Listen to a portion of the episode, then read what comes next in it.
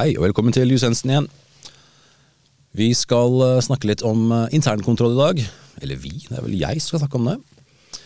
Rie var ikke med på denne her, så den her tar jeg for meg sjøl. Internkontroll i forbindelse med personvern er jo egentlig ganske stort. Så jeg kommer til å gå gjennom noen få hva skal jeg si, nøkkel, eh, nøkkelpunkter når det gjelder internkontroll i forbindelse med personvern. For internkontroll er jo ikke noe som er øremerka til personvern overhodet. Det fins internkontroll for en hel rekke andre ting som virksomheter må forholde seg til. Men vi kommer til å fokusere primært på internkontroll i forbindelse med personvern. Hva vil det si å ha krav til internkontroll? Jo, eh, i vårt øyemed så vil det da si at en behandlingsansvarlig en virksomhet skal ha systemer og rutiner og kontrollrutiner på plass som sørger for at man etterlever det regelverket man er satt til å eller må forholde seg til, som da er personopplysningsloven. Og det finnes mange måter å gjøre det på. Eh, loven i eh, personopplysningsloven setter jo opp en del punkter som er med på å sørge for en viss kontroll.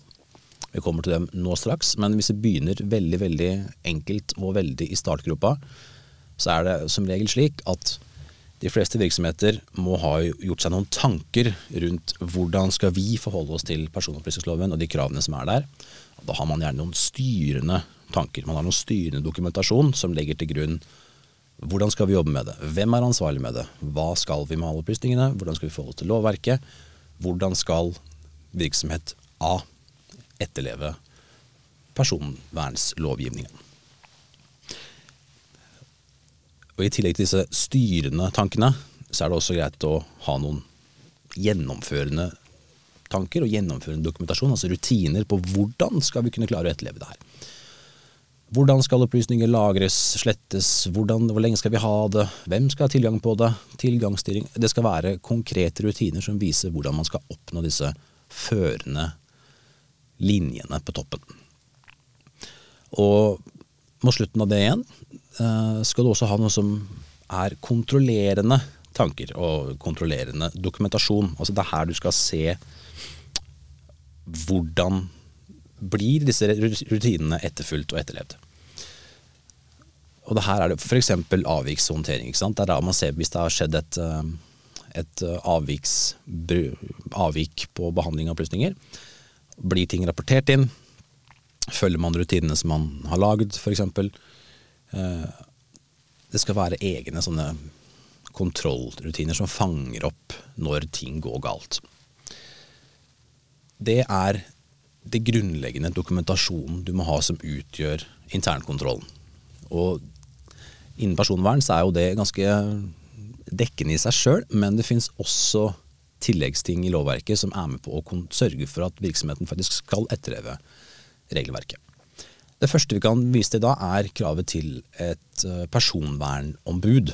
Vi kommer til å gå gjennom det i en egen episode i langt større grad, men et personvernombud er en person som skal egentlig være et sånn internpoliti og rådgivningsorgan. Eh, et helt objektivt, objektivt ombud som skal se om virksomheten etterlever regelverket. Skal kontrollere at det blir etterlevd skal komme med rådføring og veiledning til hvordan man kan etterleve det, eh, eller gjøre ting bedre. Så du har et lite internpoliti som ser deg eh, utenfra og følger godt med. Det er også noe som fungerer kjempefint som internkontroll for å sikre at her følger man regelverket. Det er ikke riktignok alle som trenger et personvernombud, det er en kostbar greie. Du kan også dele med andre virksomheter f.eks. Men det er noe ikke vi kommer til å gå nærmere inn på her. Det tar vi i en egen episode om personvernombud. Men vit at personvernombud er én av flere måter å ha en form for internkontroll. I tillegg så har vi jo noe som heter databehandleravtaler. Og um, vi har jo en egen kort episode om hva en databehandler er, og litt rollen deres. Men en databehandleravtale er jo noe som regulerer ansvaret mellom behandlingsansvarlig, altså virksomheten, og en databehandler. Den gir også et ganske greit innblikk i hvordan databehandler skal håndtere de opplysningene som de har fått fra deg som virksomhet, som behandlingsansvarlig. Det gir et innblikk i sikkerhetssystemet, det gir et innblikk i metodikken man jobber osv. Så, videre. så man får et veldig greit innblikk i hvordan skal dette her faktisk fungere. En databehandleravtale er noe du må ha med alle databehandlere. Ergo så vil du også få en grei innføring i hvordan sikkerhetsnivået, eh, risikonivået og informasjonsflyten fungerer mellom deg som behandlingsansvarlig og databehandler eh, og de registrerte. Også en måte å um, sikre seg at man etterlever regelverket.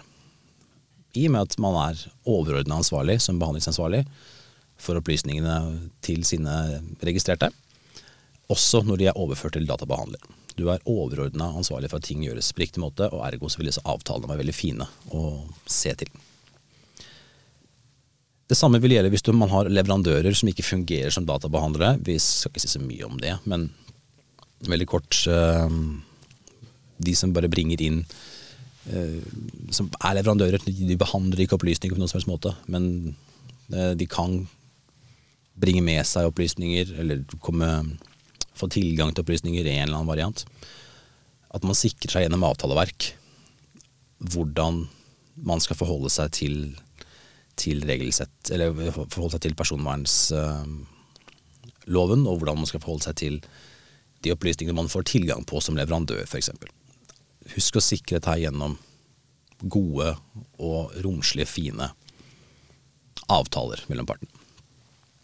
Dette her vært, det er de overordna knaggene vi kan presentere nå. Vi kunne snakka veldig mye mer om det. Vi har også snakka om behandlingsprotokoll uh, i en egen episode. Det også fungerer som internkontroll med at man må sette seg ned, det er et krav at man må sette seg ned og liste opp alle opplysninger man faktisk behandler i virksomheten.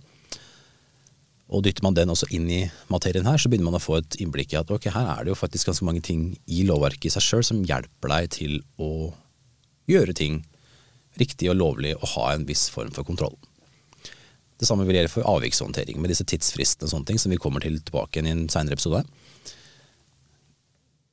Så det her er Det fins gode hjelpere i lovverket. Så tanken med episoden her var at du skulle bare vite at her er det, det er viktig med internkontroll. Det er krav om internkontroll.